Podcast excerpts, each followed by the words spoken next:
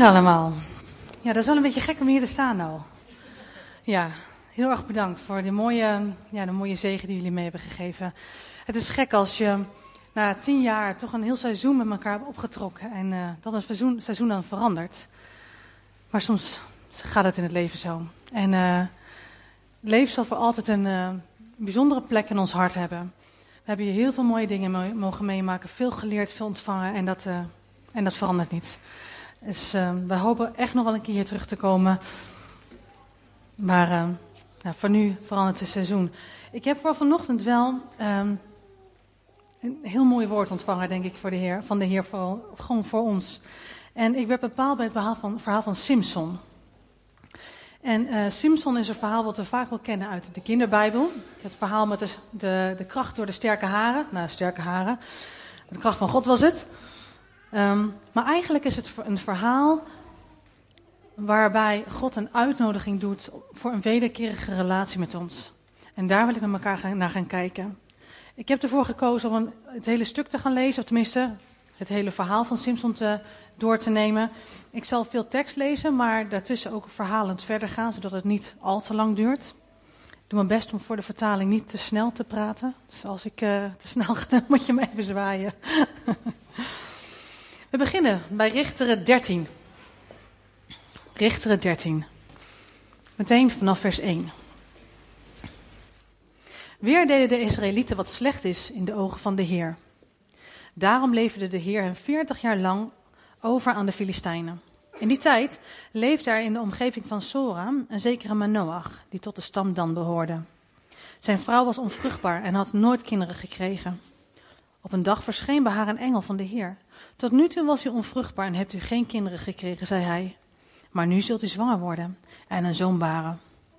Onthoud u daarom van wijn en andere sterke drank en eet geen voedsel dat onrein is. U zult zwanger worden en een zoon krijgen. Zijn haar mag nooit een schermes worden aangeraakt, want hij zal vanaf de moederschoot als Nazireër aan God gewijd zijn. Hij zal een begin maken met de bevrijding van, van Israël uit de greep van de Filistijnen. De vrouw die gaat naar haar man toe en vertelt wat er gebeurd is. En haar man die wil het zelf ook horen van die engel. Dus ze vragen of de engel nog een keer mag komen. En dat gebeurt. In vers 9. God verhoorde hem en de engel van God kwam opnieuw naar de vrouw. Ze was bezig op het land, maar Noach was op dat moment niet bij haar.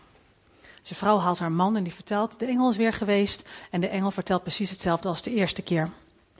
Dan in vers 24. De vrouw bracht een zoon ter wereld en noemde hem Simson. De jongen genoot de zegen van de Heer en groeide voorspoedig op. Tussen Sora en Esther, waar de Danieten hun tent hadden opgeslagen, werd hij voor het eerst door de, Heer, door de geest van de Heer tot daden aangezet. Hoofdstuk 14, vers 1. Op een keer ging Simson naar Timna. Daar viel zijn oog op een Filistijns meisje. En toen hij thuis kwam, vertelde hij zijn ouders: Ik heb in Timna een Filistijns meisje gezien. En ik zou willen dat u haar voor mij ten huwelijk vraagt. Maar zijn ouders zeiden: Waarom zoek je een bruid bij de onbesneden Filistijnen? Er is onder de dochters van je verwanten toch wel een vrouw voor je te vinden die, of in elk geval onder de meisjes van ons eigen volk. Nee, vader, zei Simpson, dit meisje moet u voor mij vragen, want zij bevalt mij. Zijn ouders wisten niet dat, de heer, dat het de Heer was die hierop aanstuurde, omdat hij een aanleiding zocht om de strijd van de Filistijnen aan te gaan. Filistijnen waren in die tijd namelijk heer en meester in Israël. Simson ging met zijn vader en moeder op weg naar Timna. In de buurt van de wijngaarden van Timna kwam opeens een leeuw, brullend op hem af. Toen voor de geest van de Heer in hem en met zijn blote handen verschuurde hij de leeuw, alsof het een geitenbokje was. Maar tegen zijn vader en moeder sprak hij met geen woord over. Hij vervolgde zijn weg en sprak met het meisje en zij beviel hem nog steeds. En niet lang daarna maakte hij de reis opnieuw, nu om haar tot vrouw te nemen. Onderweg verliet hij even het pad om naar de dode leeuw te kijken. En daar zag hij dat zich in het kadaver een zwerm bijen had genesteld. En dat er honing in zat. Met zijn blote handen haalde hij de honing eruit. En al etend liep hij terug naar zijn ouders. Hij gaf, ook wat, uh, hij gaf er ook van, aan hem wat van te eten. Maar hij zei niet dat hij de honing uit het kadaver van de leeuw had gehaald. Nou, er komt een bruiloft. En er zijn dan drie, uh, dertig Filistijnse metgezellen. Zo ging dat in die tijd. En Simpson legt deze mannen een raadsel voor. Het is sterk en verslindt altijd. Nu biedt het een maal van zoetigheid. Hij zegt, als jullie um, dit raadsel raden, voor de bruiloft voorbij is, dan zal ik voor jullie 30 stel kleren regelen. Nou, met andere woorden, dan versla ik 30 man. Maar als jullie naar Ratsanita uh, raden, dan moeten jullie voor mij 30 stel kleren uh, regelen. Nou ja, de mannen denken, oké, die gaan bij die vrouw vragen van, joh, probeer dat raadsel, uh, het antwoord van dat raadsel te ontfutselen, want zometeen moeten wij, um, ja, dan weten wij het niet op tijd. De vrouw gaat huilen naar Simpson en zegt, je hebt mij helemaal niks verteld van het raadsel. Nou ja, Simpson vertelt wat het betekent en zij vertelt het weer door. Um, nou, dan moet hij wel die 30 man gaan, die 30 stel kleren gaan regelen. Dat doet hij dan ook. Maar hij is wel heel boos, want ze hebben wel zijn vrouw tot verraad aangezet.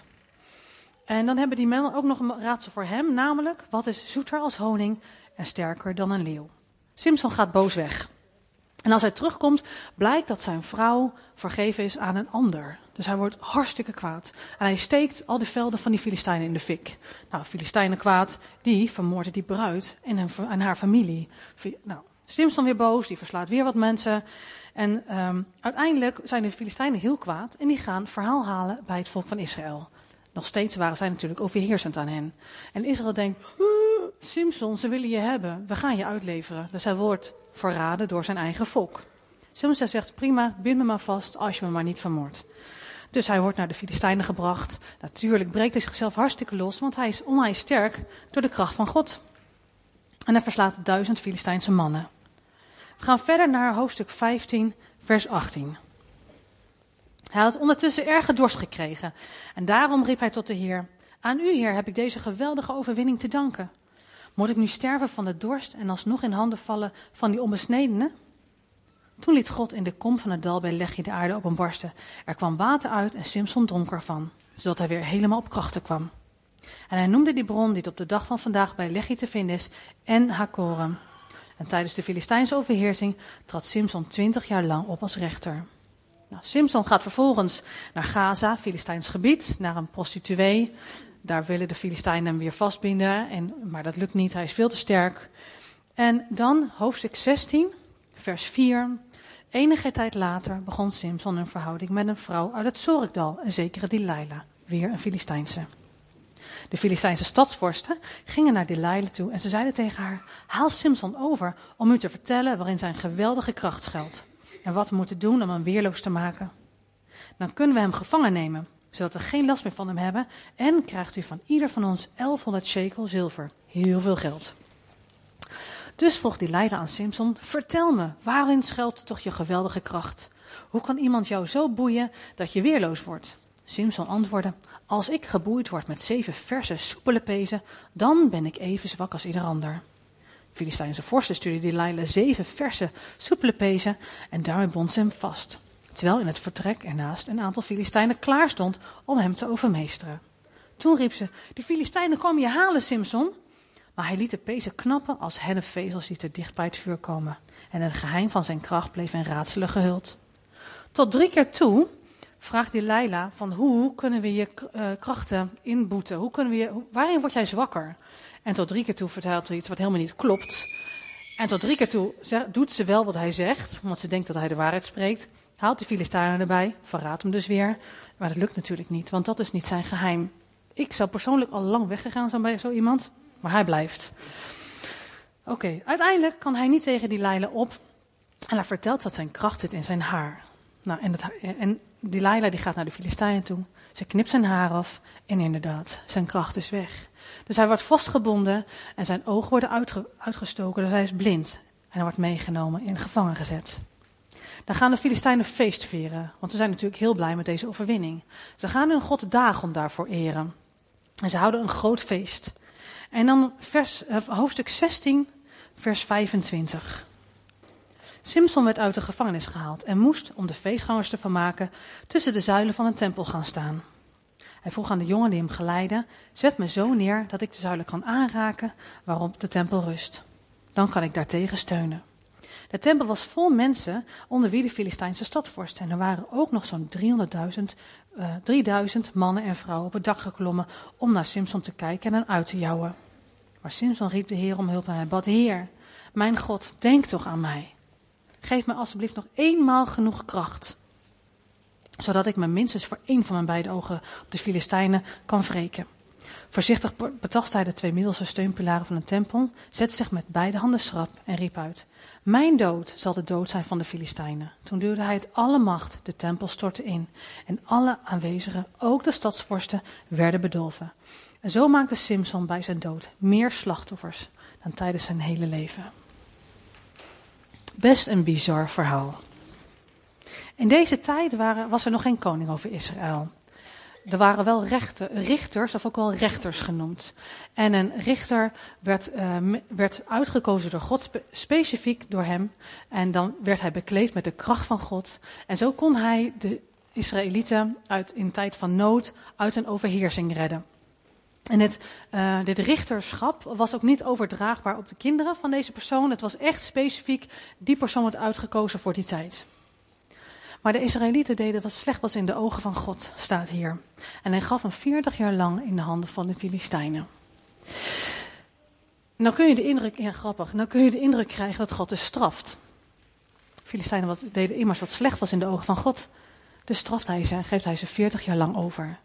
En dat is ook wat de kerk jarenlang heeft geleerd. Eeuwenlang heeft de kerk geleerd, als jij niet doet wat God zegt, dan straft hij je. En nog steeds zijn er heel veel mensen, en misschien hebben we dat eigenlijk allemaal wel een beetje, het idee, als wij niet doen wat God zegt, zie je wel, dan straft hij ons. Maar dat is Gods hart helemaal niet. Een hele mooie les uit dit verhaal is dat dit niet, dat is niet de waarheid. God straft niet. God heeft ons gemaakt met een vrije keus.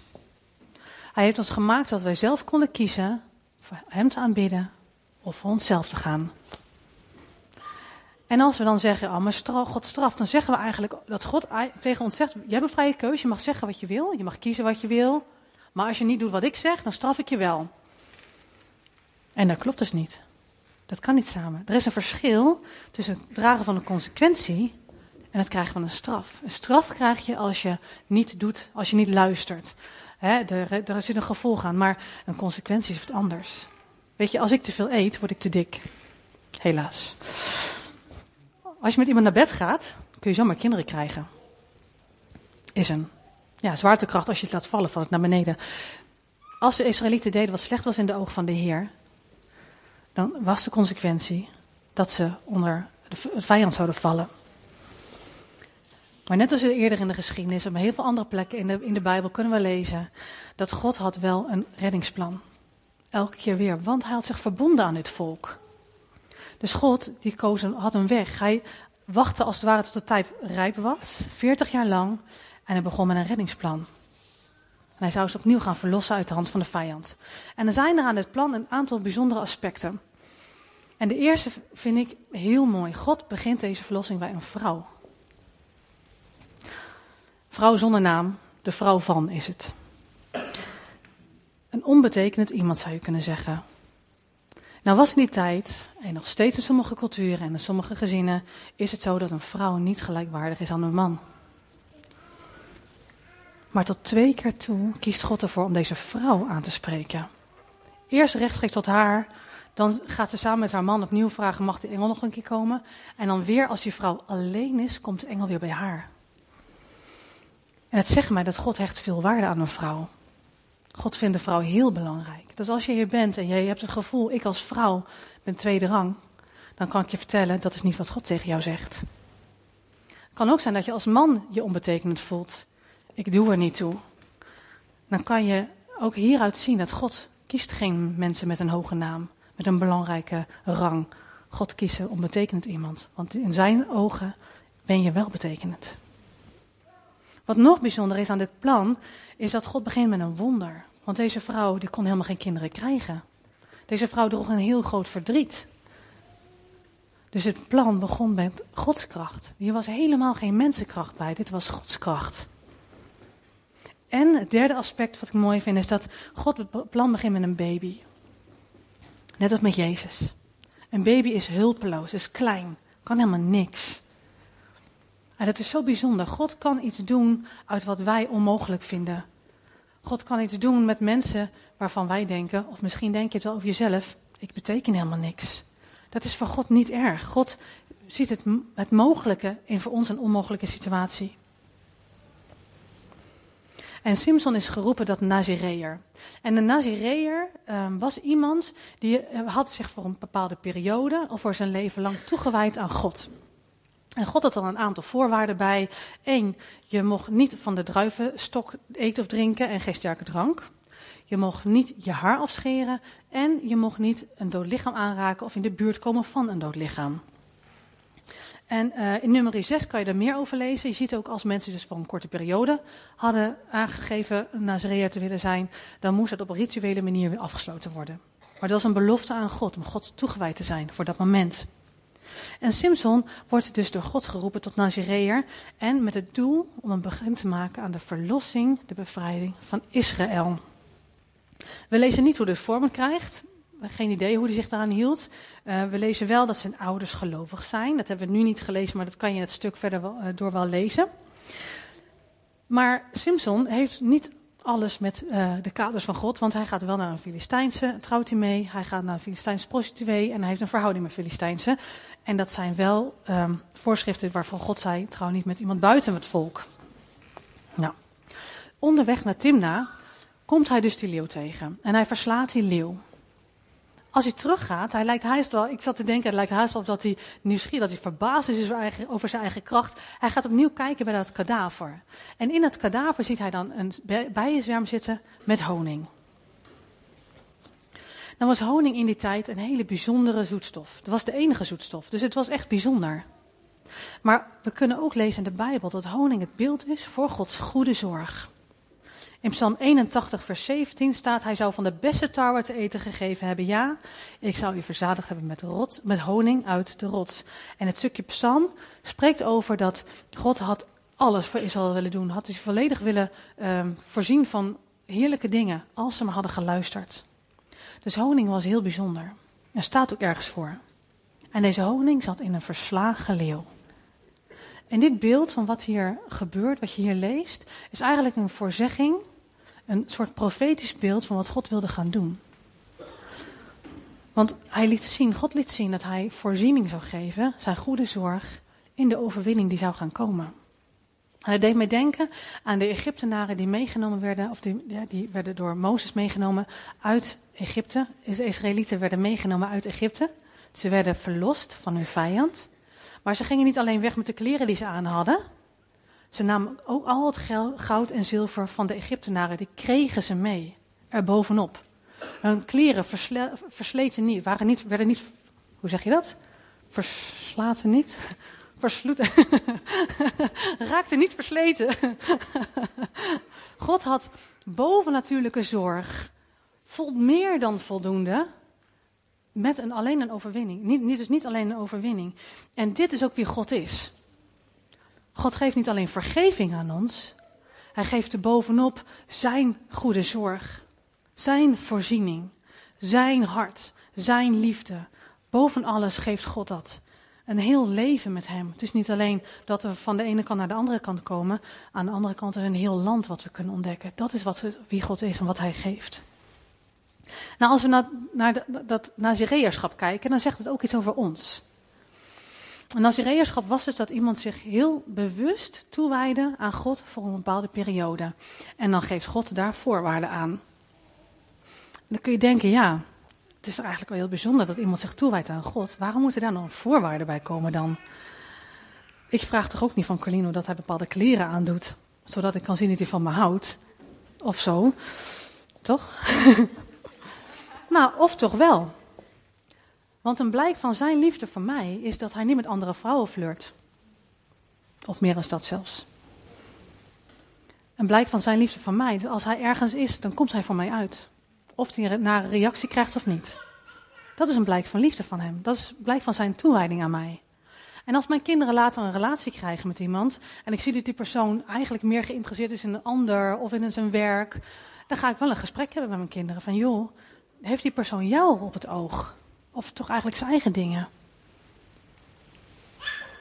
Dus als wij zeggen tegen God, Heer, ik wil u volgen en ik wil u dienen, is het dan heel gek als God vraagt, als God tegen ons zegt, joh, wat geweldig, maar wil je dat doen op de manier dat ik het fijn vind? Dat is eigenlijk heel logisch, toch? Maar wij zijn gewend soms een beetje zeggen: Hier, ik wil u volgen, maar dan wil ik wel graag dit behouden en wel op die manier. Maar God zegt: Wil je mijn manier mij dienen? En dan zijn er drie dingen die het Nazireërschap dus zo belangrijk maakt. En dat voor de Nazireërschap heel belangrijk zijn. Eén was dus niet drinken of eten van de druivenstok en ook geen sterke drank. En het is eigenlijk, kun je dat zien als het staat wat voor aardsgenot staat. Nou, bij aardsgenot kan je denken aan seksualiteit. Maar er is natuurlijk veel meer.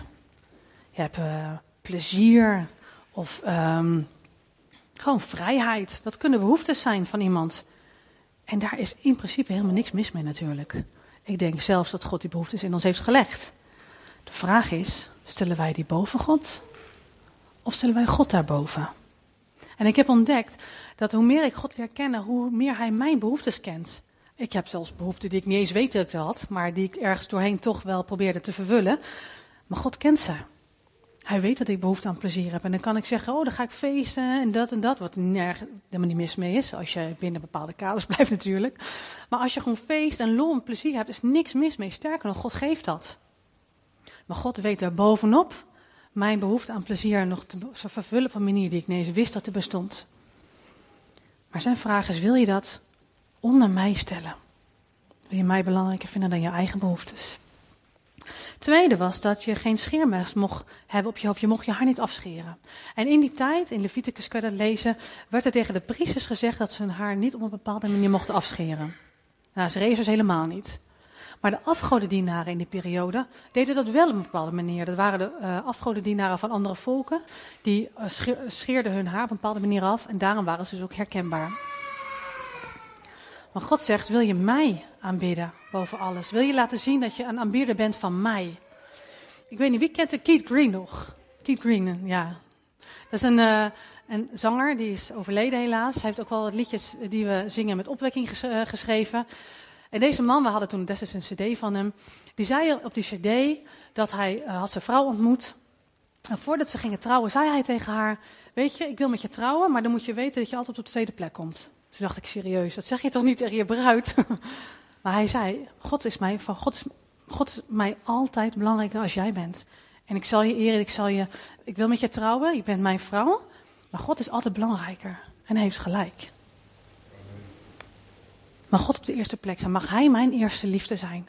Mag Hij mijn eerste tijd zijn? Mag Hij mijn eerste geld krijgen? Mijn eerste aandacht? En dan mocht je niet mee een uh, dood lichaam in de buurt zijn en dat helemaal niet aanraken. Ja, dood staat natuurlijk voor zonde. Zonde leidt tot de dood. Wanneer je een bewuste keus maakt die tegen Gods hart ingaat, dan keer je je van hem af. God keert zich dan niet per se van jou af, maar jij keert je van hem af. Dan kun je hem niet meer zien. Dan is er een verwijdering gekomen dat je niet meer naar hem kan kijken. Hij is heel dichtbij, maar je kan hem niet zien. Kies je ervoor om in overeenstemming te leven met wat Gods hart is, wat Hij graag wil, wat Hij weet dat goed van jou is ook. Of kijk je toch nog die verkeerde filmpjes, toch nog die roddel, hou je toch nog die verslaving vast, of doe je toch nog die dingetjes die je eigenlijk niet weet dat het goed zijn voor een ander, kwaad spreken. Of bekeer je daarvan? En Simpson was dus een richter en een Nazireër. Bij hem zien we niet in alles dat hij God op de eerste plek stelt. Misschien leefde hij zijn Nazireërschap heel goed uit, maar hij stelde God niet in alles bovenaan. Jezus was niet een Nazireër. Hij was wel een Nazarener, dat is iemand die komt uit Nazareth, maar dat is wat anders. Hij was niet een Nazireër, hij dronk wijn. Uh, hij raakte door de lichamen op, hij deed ze zelfs opstaan. En toch is hij het volmaakte voorbeeld van iemand die toegewijd is aan God. Hij is als het ware de nieuwtestamentische voorbeeld van de Nazireërschap. Jezus was uitgekozen door God en hij leefde volledig voor God. Hij koos om God altijd boven alles te stellen. Hij was het smetteloos lam, we hebben het net nog gezongen, zonder zonde. En hij zei, vader, niet mijn wil, maar uw wil geschieden. Dat deed Jezus. Hij was bekrachtigd met de geest van God. En als we Jezus volgen en hem willen dienen, dan is de, onze, de vraag ook aan ons, willen wij dat ook?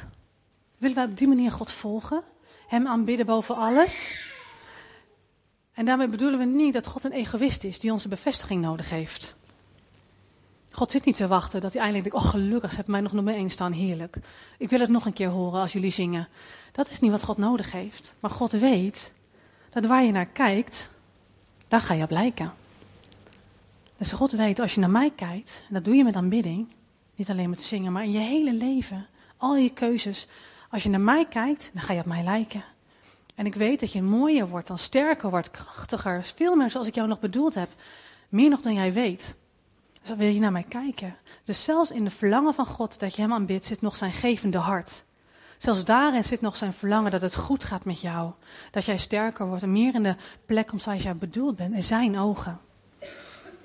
Zijn vraag is, wil je mij aanbidden? Wil je naar mij kijken? Mij op de eerste plek zetten?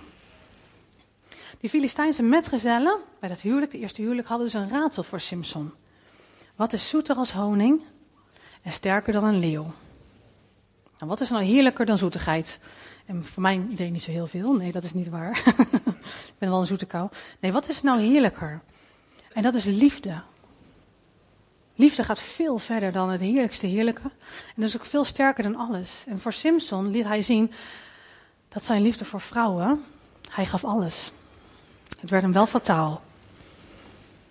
En dan kun je denken, hoe zit het nou dan? En dat God erachter stond dat hij met een Filistijnse ging. Dat zijn best wel vragen die je dan hebt als je dat leest, hè? En dat gebeurt in ons eigen leven ook wel. Of in andere Bijbelverhalen. Je denkt, hier, hoe werkt dit? Ik dacht dat ik u anders kende. Dus ik ben eens gaan kijken naar die tekst. En staat in Richteren 14:4. Ik zal hem uit de HSV lezen. We hebben hem al gelezen hoor. Nu wisten zijn vader en moeder niet dat dit van de Here was. Dat hij een aanleiding zocht tegen de Filistijnen. Want de Filistijnen heersten in de tijd over Israël. En ik heb de grondtekst van deze tekst onderzocht. Want ik was benieuwd, wat staat hier nou eigenlijk? Waarom zegt God dit op deze manier? En er staat er, vader en moeder kenden van Jada niet Jehovah, dat hij in gelegenheid tot ruzie verlangde tegen de Filistijnen, die op dat moment Israël overheersten. Dus vader en moeder kenden Jada, Jehovah niet, dat hij in gelegenheid tot ruzie verlangde tegen de Filistijnen, die op dat moment Israël overheersten. En ik heb wel vaak over het woord Jada gesproken. Ik vind het zo'n boeiend woord, want het betekent kennen, maar niet met je hoofd, maar met je hart. Kennen door ondervinding. Knowing by experience. Je ondervindt iemand. Je ondervindt Gods liefde in dit geval. En de ouders van Simpson, kunnen we lezen, waren echt wel gelovige mensen. Maar ze kenden, hadden niet Gods hart ondervonden blijkbaar, dat ze het plan van God hierachter zagen. Dus ze konden dat helemaal niet weten. En dan werkt God op deze manier de verlossing uit. Eigenlijk is het heel gek. En wat ik zeg, dat heb je bij meer verhalen van je eigen leven ook. Want ik denk, hoe werkt het nou hier? Ik dacht dat ik je snapte, maar ik snap je nog steeds niet. Maar wat zo mooi is, God wist. God had hem geroepen tot een Nazireër, als, als, richter. Maar God wist ook dat zijn liefde voor vrouwen, Filistijnse vrouwen, dat hij daar toch voor zou kiezen. Hij had immers een vrije wil. En God koos om door zijn onvolmaaktheden toch tot zijn eigen doel te komen. Dus wanneer je het gevoel van, oh, ik kies telkens niet goed, ik ben afgeschreven, dan is dat niet waar. Dat kun je ook aan het verhaal van Simpson zien. Simpson was niet afgeschreven. Want ook al koos hij dus niet om God boven vrouwen te stellen, God werkt er nog steeds doorheen. Het is geen vrijbrief. Het betekent niet dat je dus maar kan doen wat je wil, want God werkt er toch al doorheen. Dat is wat anders. Maar God werkt wel door onze onvolmaaktheden heen. Nou, het raadsel van die Filistijnse mannen is daarmee eigenlijk ook een beeld van Gods liefde voor ons. Want wie heeft er nou een grotere zorg voor ons als Hij heeft? Wie is sterker dan God? Er is niemand sterker en zijn liefde gaat zoveel verder. En um, in de HSV, in Richteren 15, vers 18, um, lezen we ook dat Simpson zich heel bewust is dat hij met God samenwerkt. U hebt door de hand van uw dienaar deze grote verlossing gegeven. God, Simpson wist dat God met hem samenwerkte. En dat was ook terecht, want God heeft gekozen om door ons heen de, zichzelf zichtbaar te maken op deze wereld. God had ook kunnen kiezen om om ons heen te gaan, maar God koos, nee, ik werk met de mensen van wie ik hou. Dat is de weg waarop ik de aarde wil bereiken. En hij zoekt daarom ook mensen die echt met een hele hart toegewijd willen zijn aan hem. Zodat hij de mensen om ons heen kan bereiken. En het kost ons wel, het vraagt van ons dat wij Hem op de eerste plek zetten. En dus onze eigen behoeftes, onze eigen verlangens, de dingen die wij zo leuk vinden, niet bovenaan te stellen. Oh, het vraagt van ons ons te bekeren van dingen die we eigenlijk willen blijven doen, maar die gewoon niet gezond zijn, niet goed zijn voor ons en de mensen om ons heen.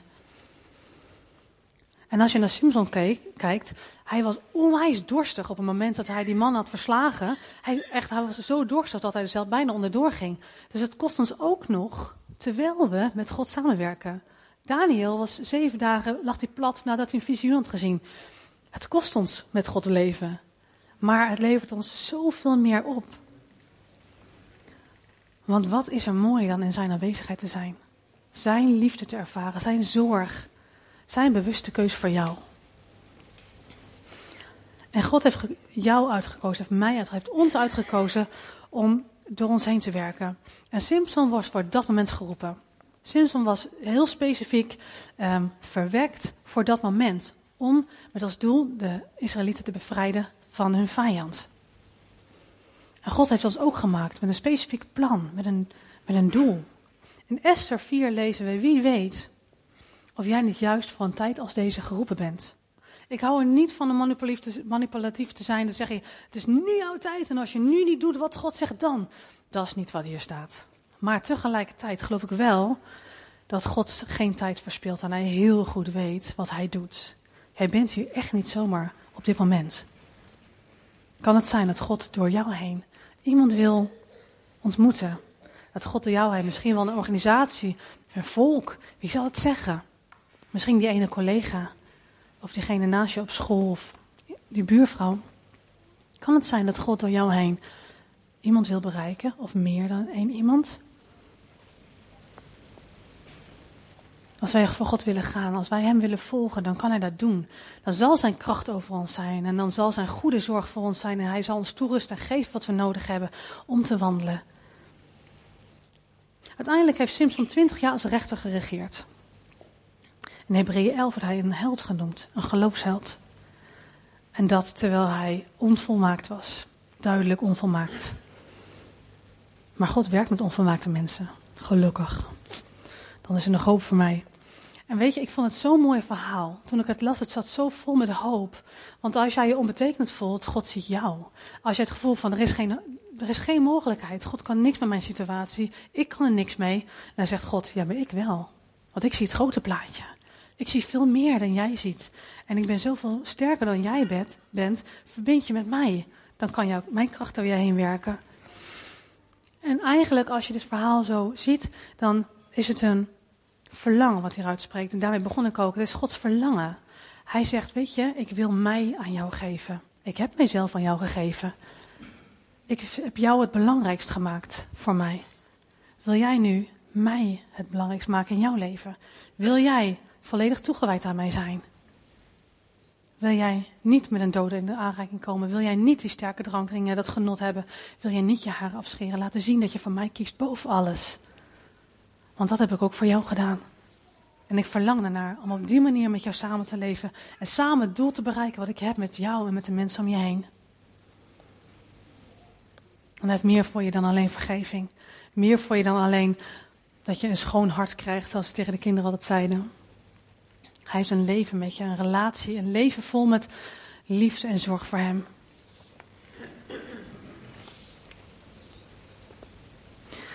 Misschien zit je hier dat je denkt, ik heb dit nog nooit eigenlijk tegen God gezegd, die toewijding aan hem. Maar het kan ook zijn dat je ervaart, hmm, ik denk dat ik toch wel een keer mijn haar heb afgeschoren. Of misschien dat ik toch wel een keer een sterke drank heb gedronken. Dingen heb vastgehouden, dingen niet op, de niet op de tweede plek heb gezet, maar God heeft niet altijd de eerste plek in mijn leven gehad. Weet je, dat Nazireërschap, als diegene die zich had ook gewijd aan God, toch bijvoorbeeld met iemand onder een dak was geweest die overleden was, dan zei God, dat kun je lezen, scheer je haar dan opnieuw af of, en laat het groeien. Dan beginnen je de dagen van je Nazireërschap opnieuw. En bij Simpson lees je, op het moment dat hij gevangen is genomen, is zijn haar dus afgeschoren door Delilah. Maar er staat, zijn haar begon meteen opnieuw te groeien. En dat geldt ook voor ons. Wanneer jij denkt, mm, mijn toewijding heeft wel een beetje lager gestaan dan eigenlijk God verdient. Dan is vandaag opnieuw een dag. Dan begint jouw nazireërschap vandaag opnieuw. dan kun je vandaag opnieuw kiezen. Ik wil God wel op de eerste plek hebben staan. Als je dat wil, dan wil ik je vragen, wil je gaan staan op je stoel? En dan gaan we het samen tegen God vertellen. Of op je stoel, voor je stoel.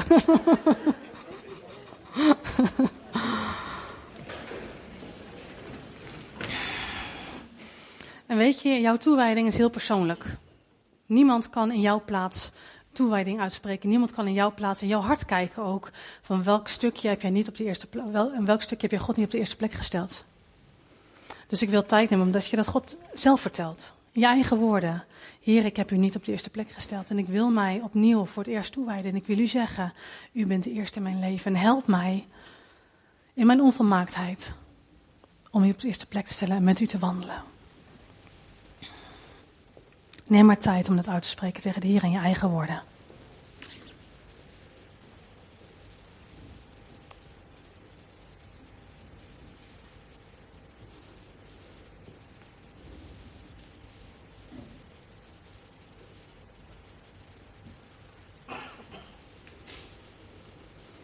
Heer, u kent ons hart. U heeft ons gemaakt, Hij heeft ons bedoeld. Heer, in uw grootheid, in uw heiligheid, heeft u gedacht om ons te maken, met ons te leven, met ons relatie te hebben, van ons te houden, als van uzelf. Heer, wij kunnen dat soms haast niet vatten, maar we geloven het, Heer. We geloven dat u onze schepper bent. Heer, we willen u niet dienen omdat het de regels zijn. We willen u leren kennen zoals u bent. We willen niet wandelen vanuit een verplichting, maar we willen ook niet wandelen alleen vanuit onszelf. We willen leren, Heer, wat het betekent om een wederkerige relatie met u te hebben. Heer, u hebt voor ons gekozen en ons het meest belangrijk gemaakt in uw leven. Heer, wij willen er op dit moment opnieuw voor kiezen, of voor het eerst of opnieuw, om u het belangrijkste te maken in ons leven. Heer, en u weet waarmee we worstelen. Welk stukje we moeilijk vinden om te onderwerpen. Heer, misschien zijn het onze zorgen dat we ze niet los kunnen laten. Misschien is het ons verdriet dat zo groot is, waardoor we u niet meer goed kunnen zien. Heer, misschien is het een stukje behoefte wat we proberen te vervullen, wat niet werkt, omdat het niet vanuit u komt. Heer, u kent ons en u gunt ons alles. U heeft het beste met ons voor. En dat willen we geloven, Heer. Leer ons u te kennen. Leer ons u te ondervinden. Leer ons zo te zien, Heer, zoals u bent en zoals u ons ziet. Heer, neem ons mee in, in deze reis. Deze reis van deze relatie. Heer, en vernieuw ons denken. Heer, laat ons zien waarin we nog geleid werden door regels. Laat ons zien wanneer we ja, nog zo vol zitten met andere dingen. Heer, wilt ons laten zien als er nog pijn is vanuit het verleden wat ons vasthoudt om u te kunnen zien. Er zijn zoveel manieren waarin we afgeleid kunnen zijn, Heer. En help ons ons te bekeren, Heer. Gewoon in het hier en nu, Heer, van de zonde die we hebben gedaan, die we niet meer willen doen. O Heer, maar het kan zo moeilijk zijn om los te komen. Heer, u bent sterker dan, dan elke zonde. We hebben net gevierd dat u machtiger bent. De dood, de, de, de dood hebt overwonnen als mens in onze schoenen. En dus willen we al deze dingen aan het kruis, aan uw voeten brengen, Heer. En we willen naar u kijken. Heer, dank u dat u ons wilt ontmoeten op dit moment. En ik bid dat als we naar huis gaan, dat u met ons gaat en ons deze dingen in gedachten brengt, Heer. Dat u ons erop aanspreekt, dat u ons roept, dat we uw stem opnieuw zullen verstaan. En ik spreek tegen ieder van ons hier in de ruimte, dat we Gods stem zijn roepen zullen verstaan. En ik zegen ons met moed om dan ook te reageren en niet te denken, oh dat is niet van, vast niet van God. Maar dat we zullen luisteren naar uw roepen. En tijd zullen nemen om u te zien. Om met u te zijn. Dank u Heer voor uw overvloedige genade en uw overvloedige liefde. In Jezus' naam. Amen. Amen.